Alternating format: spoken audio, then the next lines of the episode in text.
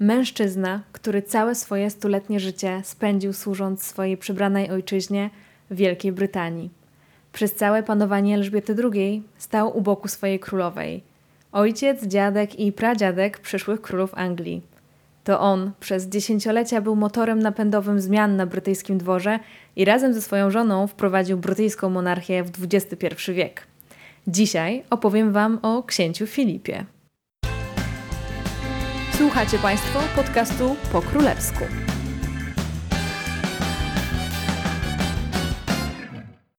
Witam Was w piątym odcinku podcastu po królewsku. Ja nazywam się Anna Orkisz i będę Waszą przewodniczką po królewskich tematach i dramatach. Dziękuję za kilka nowych ocen na Apple Podcasts i jeśli słuchacie odcinka na urządzeniach Apple, zapraszam do zostawienia krótkiej recenzji. To jest naprawdę ważne, bo czym więcej jest ruchu pod moim podcastem, tym do większej ilości osób on trafi. Nie zapomnijcie także subskrybować go w dowolnej aplikacji podcastowej, żeby dostawać powiadomienia o nowych odcinkach.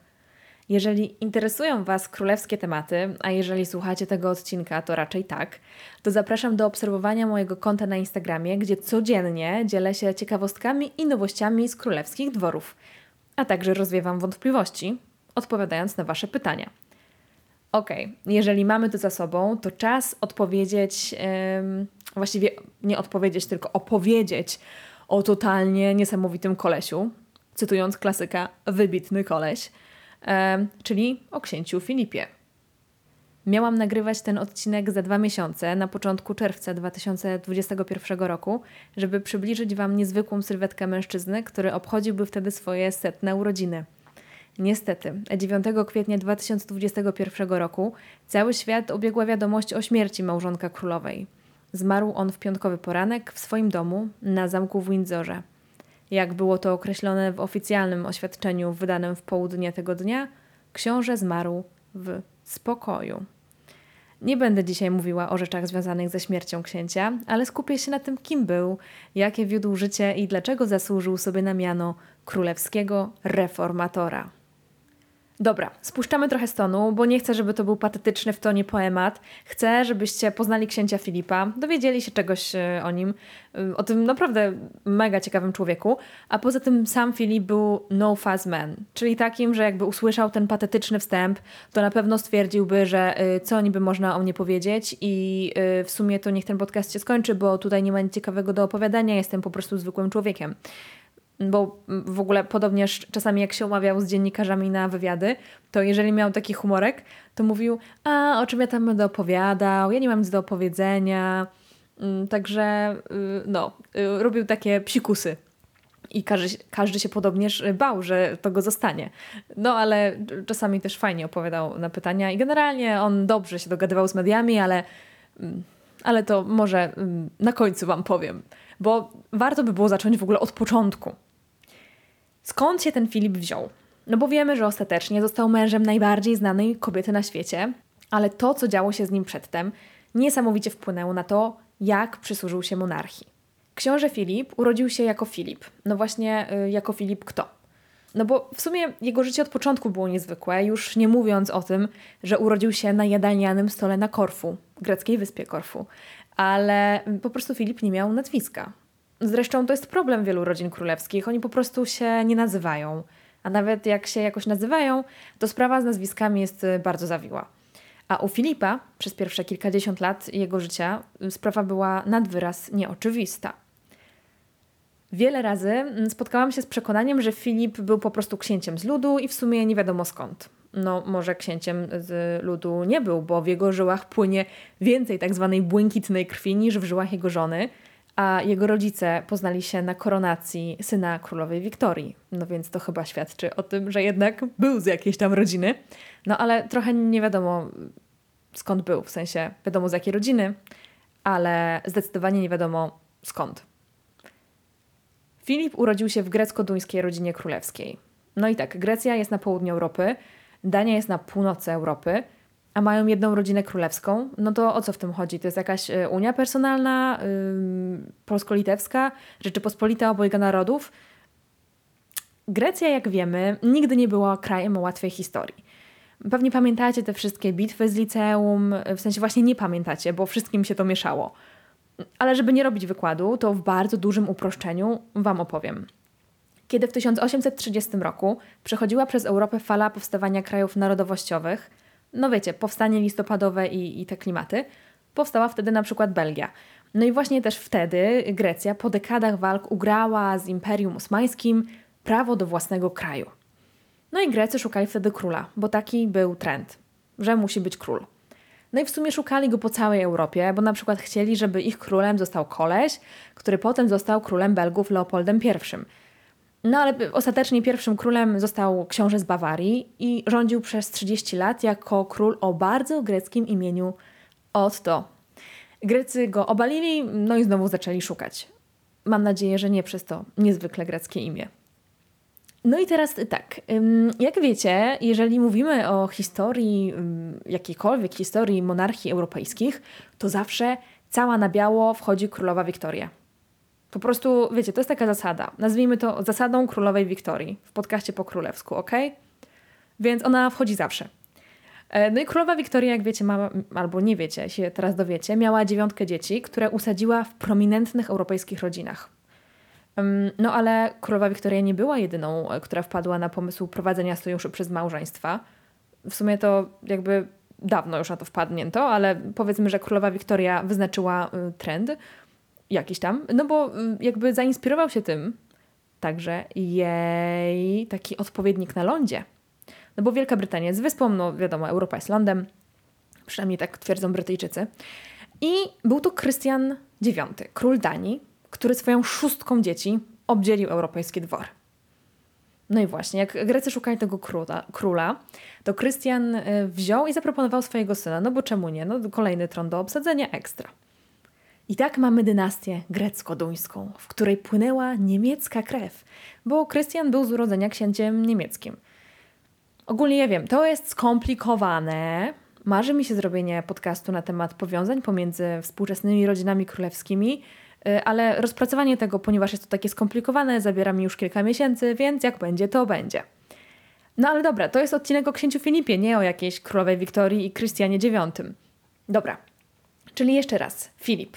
Jego pradziadkiem był ten duński król, co obdzielał dwory królewskie swoimi dziećmi, dziadkiem król Grecji, a ojcem syn króla Grecji, Andrzej. Zresztą syn Filipa, Andrzej, dostał imię po jego ojcu Andrzeju. No dobra, miałam nie komplikować, tylko wytłumaczyć.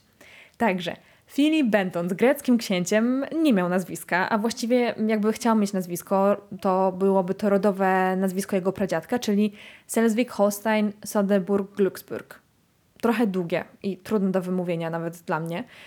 No ale cała historia rozwiązuje trochę sprawę, dlaczego Filip urodził się na Korfu. No po prostu był greckim księciem, mimo że z duńskiej rodziny. Matką y, z kolei y, Filipa była zupełnie niezwykła kobieta, księżniczka Alice. Y, o niej też kiedyś przydałby się osobny odcinek, ale na potrzeby dzisiejszego powiem tylko, że jest to prawnuczka królowej Wiktorii, tej, która wchodzi cała na biało, mm, która urodziła się na zamku w Windsorze. W sensie nie królowa Wiktoria, tylko księżniczka Alice. E, no więc y, też widzicie, że na pewno w królach Filipa płynie błękitna krew. Wiecie, urodziny na w zamkach i pałacach? Checked. Kiedy Filip miał ledwo rok, rodzina Andrzeja, czyli jego ojca, czyli cała rodzina Filipa, wygnana została z Grecji w wyniku rewolucji i wyroku sądu wojskowego. Zabrano im także wtedy greckie obywatelstwa. Sam Filip kiedyś wspominał w wywiadzie, w wywiadzie, bardzo trudne do wymówienia, że mieli jakiekolwiek wtedy paszporty, czyli duńskie. Dzięki uprzejmości swojej rodziny w Danii, która sobie radziła jako rodzina królewska trochę lepiej niż ta ich y, grecka y, odnoga. Kiedy dowiedzieli się o sytuacji Brytyjczycy, że rodzina grecko-duńska jest w potrzasku, no to wysłali po nich okręt marynarki o wdzięcznej nazwie Kalipso. I rodzina mogła się w ten sposób uratować, ale musiała zabrać ze sobą minimum dorobku życia. I takim sposobem mały Filip był wniesiony na pokład w wyścielonej skrzynce po pomarańczach. Rodzina Filipa otrzymała pomoc od swoich licznych krewnych i lata dwudzieste spędziła żyjąc na przedmieściach Paryża. W sumie to tak sobie myślę, że chyba to nie była najgorsza sytuacja na świecie. Już nie jeden delikwent próbował się przenieść do tego czasu, szczególnie o północy w Paryżu. No dobra, koniec żartów. Filip został wysłany do amerykańskiej szkoły w Paryżu, a cztery jego starsze siostry, korzystając z sytuacji, um, ostatecznie, z sytuacji, że mieszkały w Paryżu i wiecie, było fajnie, ostatecznie wszystkie dosyć szybko znalazły mężów, co w ostatecznym rozrachunku dla Filipa może nie skończyło się najlepiej, um, ale znalazły. Sytuacja rodzinna Filipa w ogóle dosyć szybko się rozchwiała, kiedy jego matka Alice zaczęła mieć problemy ze zdrowiem psychicznym, a ojciec zaczął uciekać w używki i hulaszczy tryb życia. I tu zaczyna się szkolna tułaczka Filipa. Na początku został wysłany do swoich krewnych do Anglii, żeby tam uczęszczać do szkoły, a potem do Niemiec, do swoich sióstr. No bo właśnie, e, z niemieckimi arystokratami związały się siostry Filipa. Filip e, zaczął uczęszczać do szkoły, której patronem był jeden z jego zięciów, więc jak to sam kiedyś ujął, zaoszczędzili na czesnym, e, a prowadzona była przez pedagoga o niecodziennym, zupełnie reformatorskim duchu, Kerta Hanna. Jako, że był to początek lat 30. i nastroje w Niemczech nie sprzyjały Żydom, a Han y, był pochodzenia żydowskiego, zdecydował on o przeniesieniu szkoły do Szkocji. I tak powstała szkoła Gordonstone, której Filip był jednym z pierwszych uczniów. W tej szkole myślą przewodnią była nauka poza szkolną ławą. Uczniowie mieli doświadczać, dyskutować, odkrywać siebie, a nie wkuwać z książek kładziono bardzo duży nacisk na sprawność fizyczną, pracę własną, ale także wspólną pracę z rówieśnikami oraz pracę dla społeczności. Nauka w szkole miała niebagatelny wpływ na młodego Filipa, no i zresztą chyba największa spuścizna pracy Filipa jako małżonka królowej jest właśnie oparta na ideałach zaczerpniętych z lat szkolnych spędzonych w Szkocji. No ale o tym będzie pod koniec podcastu. Podczas nauki w Gordonstone Philip zaprzyjaźnił się ze swoim wujem, bratem mamy, lordem Louisem Mountbattenem. Mm, to Louis i jego rodzina zapewnili mu czegoś, czego od wielu lat nie miał, czyli prawdziwego domu i ciepła. Filip po wyprowadzce z Paryża miał sporadyczny kontakt z rodzicami.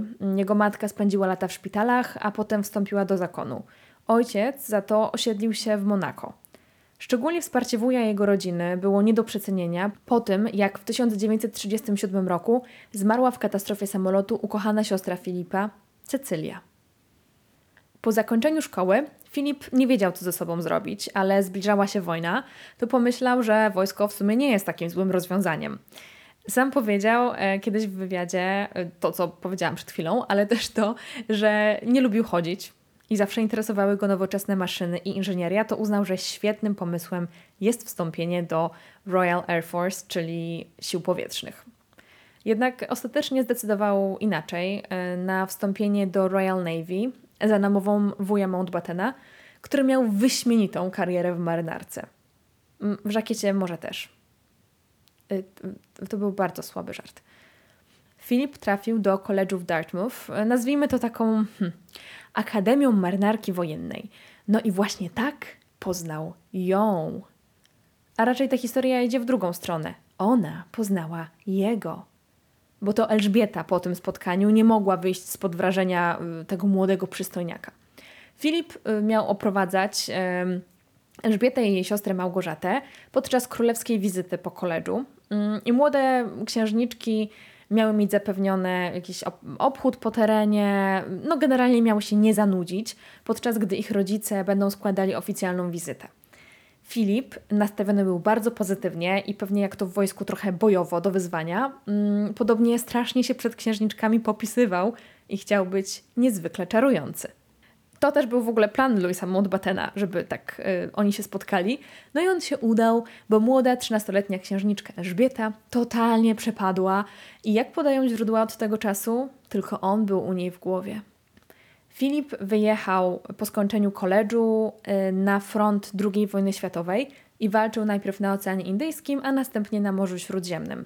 W tym samym czasie jego szwagrowie walczyli po niemieckiej stronie. Młody Filip y, piął się po szczeblach kariery i w 1942 roku awansował na stopień pierwszego porucznika statku HMS Wallace, tym samym będąc najmłodszym pierwszym porucznikiem w marynarce brytyjskiej. Koniec wojny zastał go na okręcie w Zatoce Tokijskiej, gdzie doczekał aktu podpisania japońskiej kapitulacji. Przez burzliwy czas wojny Elżbieta i Filip regularnie do siebie pisali, jednak ze strony Filipa to raczej nie było jakieś poważne uczucie – Podobno przełomowe miały być odwiedziny na czas Bożego Narodzenia na zamku w Windsorze i obejrzane przez Filipa przedstawienie pantomimy, w którym grała m.in. Elżbieta oraz jej młodsza siostra Małgorzata. Wzmocniło to więź tych dwojga, chociaż wówczas ich związek był powiedzmy sobie mało prawdopodobny. Filip jako młody, przystojny porucznik miał powodzenie u kobiet i chętnie z nimi spędzał czas.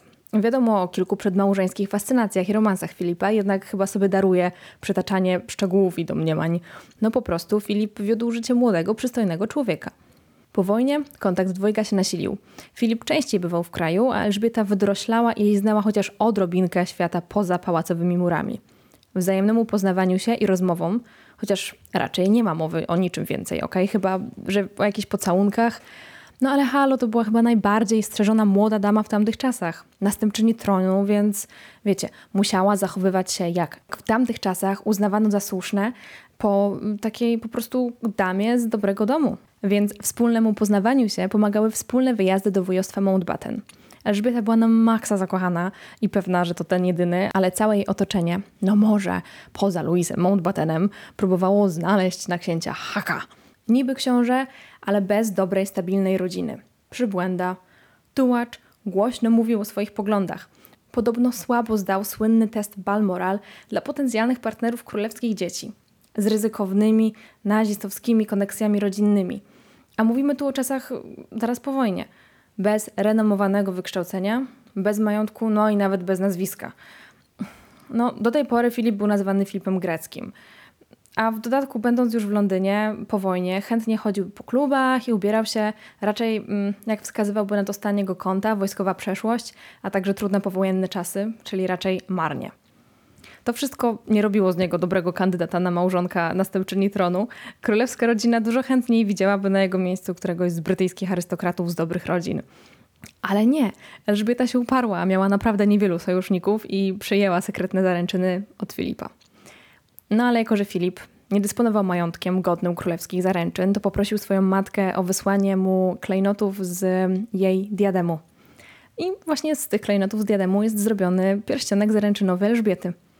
Wszystko było zrobione ogólnie nie tak, bo w protokole zaręczynowym, o ile taki w ogóle istnieje, a na pewno w dobrych manierach młodego dżentelmena, powinno znaleźć się najpierw proszenie o rękę rodziców panny młodej, a, a potem proszenie panny młodej o rękę. No ale tu wszystko poszło w drugą stronę. Król podobnież był wściekły, ale widząc y, szczęście Elżbiety, a chciał najlepiej dla swojej córki, ostatecznie się zgodził. Oficjalne ogłoszenie zaręczyn jednak zostało odłożone do czasu po 21 urodzinach Elżbiety, na kwiecień 1947 roku. Chwilę przed ogłoszeniem, a kiedy wiadomo było, że ślub, wiecie, już za pasem, to trzeba było uregulować sprawy związane z tożsamością Filipa. Tutaj także zadziałał wuj i komisarz całej operacji ślub, Louis Mountbatten, i pomógł Filipowi w przyjęciu brytyjskiego obywatelstwa. Filip musiał się zrzec swoich duńskich tytułów i paszportu. Musiał także przyjąć nowe nazwisko do nowego brytyjskiego paszportu i zdecydował się przyjąć panieńskie nazwisko matki, czyli Mountbatten. Właściwie jego matka nazywała się Battenberg, ale rodzina podczas fali odgermanizowywania yy, zmieniła je na Mountbatten. Filip przed ślubem zmienił także wiarę. Jako członek greckiej rodziny królewskiej był ochrzczony w obrządku grekokatolickim, a że rodzina królewska jest do szpiku kości anglikańska, no bo pamiętajmy, że królowa jest głową kościoła anglikańskiego, to Filip przekonwertował się na anglikanizm. Tym sposobem wszystko do ślubu było gotowe. W przeddzień Filip dostał od króla Jerzego VI szereg tytułów, w tym najważniejszy księcia Edynburga. Wieczór kawalerski spędził w marynarskim towarzystwie razem z wujem Luisem. Jak na tak ogromny ślub, to ze strony Filipa nie było zbyt wielu gości. Nie zostały zaproszone jego siostry ani ich rodziny ze względu na silne powiązania z nazistami, a ojciec Filipa zmarł w 1944 roku. Z rodziny na ślubie była obecna matka, ale nie miała tak jak w The Crown na sobie habitu, tylko skromną sukienkę i szła u boku swojego brata Louisa Mountbattena. Po ślubie Filip zamierzał kontynuować koncertowo rozpoczętą karierę w marynarce i szczerze mówiąc pewnie liczył na jakieś 20 lat spokojnego rodzinnego życia. Rodzina szybko się powiększyła, bo rok po ślubie dołączył do niej Karol, a dwa lata później Anna. Filip dostał też przydział na Malcie, gdzie wraz ze swoją młodą rodziną się przeprowadził. Wiele razy wspomina się o tych latach jako o najszczęśliwszym okresie w życiu obojga, a na pewno Elżbiety, która miała możliwość pożyć troszkę z dala od dworu, jak normalna kobieta z wyższych sfer wczesnych lat 50., czyli spotykać się na ploteczki, jeździć samochodem po zakupy do fryzjera, y, wyprawiać bankiety, wspierać męża w karierze, no żyć nie umierać. Niestety, sielankę przerwała właśnie wiadomość o pogorszeniu się stanu zdrowia króla Jerzego i para musiała na chwilę wrócić do Londynu. Następczyni tronu wraz z mężem przejęła część obowiązków po ojcu, m.in. podróże po wspólnocie narodów i dołączyli do Privy Council, czyli jakby takiej rady, która ma pomagać monarsze radą w pełnieniu obowiązków. Zostali najpierw wysłani na pierwszą podróż do Kanady, a potem na drugą, um, na objazd po południowych krajach wspólnoty narodów. Pierwszym przystankiem w ich podróży była Kenia. Jest to dosyć dobrze przedstawione w drugim odcinku serialu The Crown. Książęca para spotykała się z przedstawicielami lokalnych społeczności, poznawała Kenię i wyjechała na safari do Parku Narodowego podziwiać niezwykłe afrykańskie zwierzęta. Tej nocy, kiedy księżniczka Elżbieta i Filip spali na terenie Parku Narodowego Aberdare, zmarł król Jerzy. Pamela Hicks, kuzynka Filipa i towarzyszka Elżbiety podczas tej pamiętnej podróży, mówi, że było to absolutnie niesamowite doświadczenie, bo Elżbieta wspięła się do chatki na drzewie, w której spędzali noc jako księżniczka, a zeszła na ziemię o poranku jako królowa, totalnie nie zdając sobie z tego jeszcze sprawy. Wrócili do Londynu już jako para królewska. Początki Filipa jako księcia małżonka nie były łatwe. Jak możemy przeczytać w wielu książkach traktujących o tym okresie oraz we wspomnieniach świadków, Filip miał trudności z przystosowaniem się do nowej roli, roli bez roli. E, odebrano mu jego karierę, odebrano mu jego karierę, nie mógł już dłużej pełnić czynnie służby w marynarce. A rola małżonka świeżej królowej zupełnie nie zakładała żadnych ram działalności oprócz ogólnie mm, przyjętego wsparcia. Inspirację Filip mógłby czerpać od, i inspirację i radę mógłby czerpać od poprzednich małżonek królów, dalej żyjących królowej Elżbiety, nazywanej już królową matką, czy królowej Marii, żony Jerzego V. Jednak Filip nie był ich ulubieńcem, a cała uwaga związana z objęciem nowej roli koncentrowała się na Elżbiecie. Jednak Filip nie był pierwszym księciem małżonkiem w historii monarchii brytyjskiej. Więc takiej inspiracji mógł szukać u swojego poprzednika z epoki powiedzmy bardziej współczesnej niż te ze średniowiecza, Alberta, męża królowej Wiktorii. Albert, tak jak Filip, miał początkowo problemy z odnalezieniem się właśnie w tej trudnej roli księcia małżonka na dworze i w ogóle znalezieniem czegoś, co byłoby dla niego zadowalające. Podołał jednak temu wyzwaniu i odnalazł się po prostu w tej roli koncertowo. Był zarządcą królewskich rezydencji, modernizował je, organizował. Mm, tak jak Filipa pasjonowały go nowoczesne wynalazki i sztuka. Był między innymi inicjatorem Wielkiej Wystawy Światowej w Londynie w 1951 roku, czyli prekursorem obecnego Expo. Zyski z wystawy przekazano na przykład na budowę muzeów i instytucji kulturalnych niedaleko Pałacu Kensington. Dzisiaj to jest na przykład Science Museum, National, y, nie National Museum, tylko i y, Natural History Museum, y, czy Victoria Albert Museum, które jest moim ulubionym, ulubionym po prostu muzeum na świecie. Victoria and Albert Museum w Londynie, w South Kensington, polecam. E, ale na przykład też e, został ufundowany z tych pieniędzy Royal Albert Hall, e, który właśnie to Albert ma od właśnie Alberta księcia małżonka. Początek panowania królowej to też był czas, kiedy czytamy w książkach o tym, że pojawiały się kryzysy w małżeństwie Filipa i Elżbiety. O imprezowym stylu życia Filipa, o podejrzanych znajomych i licznych romansach. Prawdopodobnie taki kryzys w małżeństwie młodej pary y, rzeczywiście wystąpił, a znakiem tego może być wydane oświadczenie, że takiego kryzysu nie było. Jednak pamiętajmy, że Filipowi nigdy nic nie udowodniono, a jego romanse zostają plotką czy miejską legendą, chociaż powinniśmy chyba raczej powiedzieć pałacową legendą.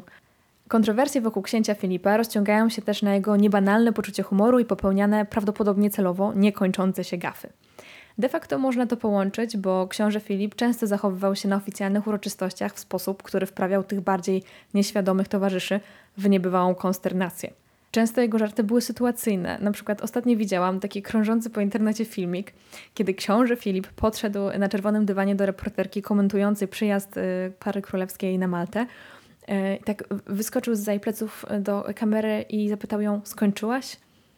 Żartował też głośno i często ze swojej rodziny, pozycji, no i żony. Chyba jest jedyną osobą, która de facto mogła żartować z żony oficjalnie.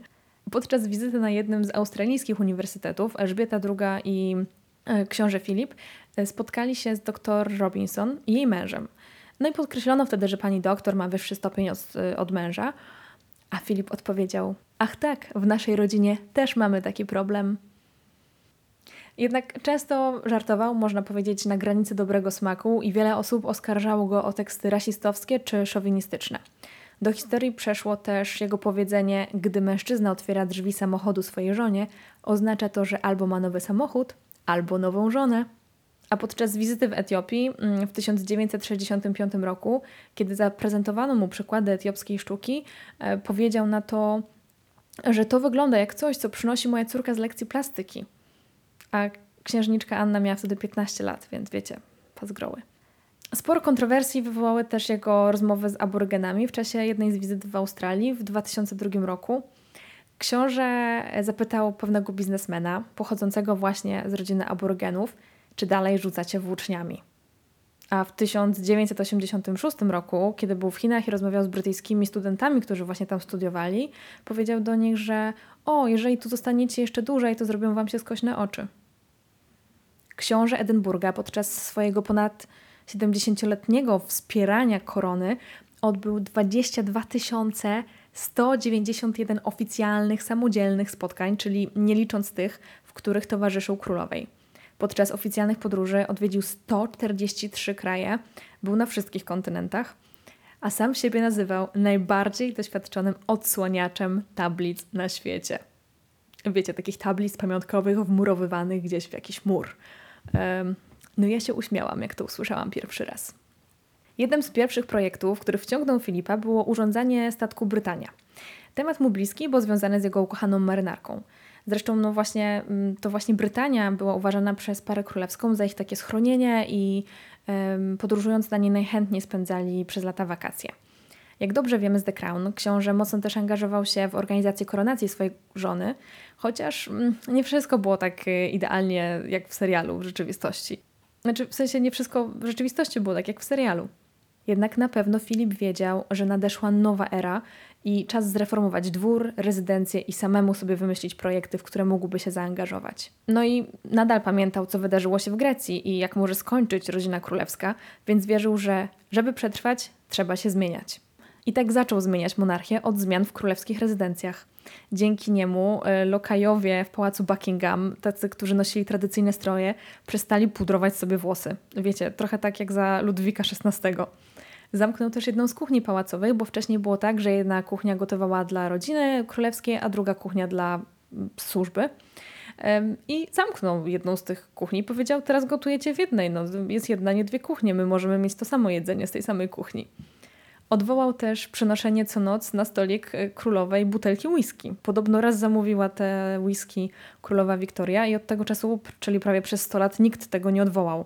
Książę nosił też swój bagaż i sam smażył sobie na przykład śniadanie na elektrycznej patelni w swojej komnacie, pokoju i podobno lekko na złość e, królowej to robił, którą mega irytował zapach gotowania w sypialnych komnatach. Zaangażował się także w opiekę nad pozostałymi rezydencjami królewskimi e, w Sandringham, Balmoral czy na zamku w Windsorze e, i na okalających go terenach.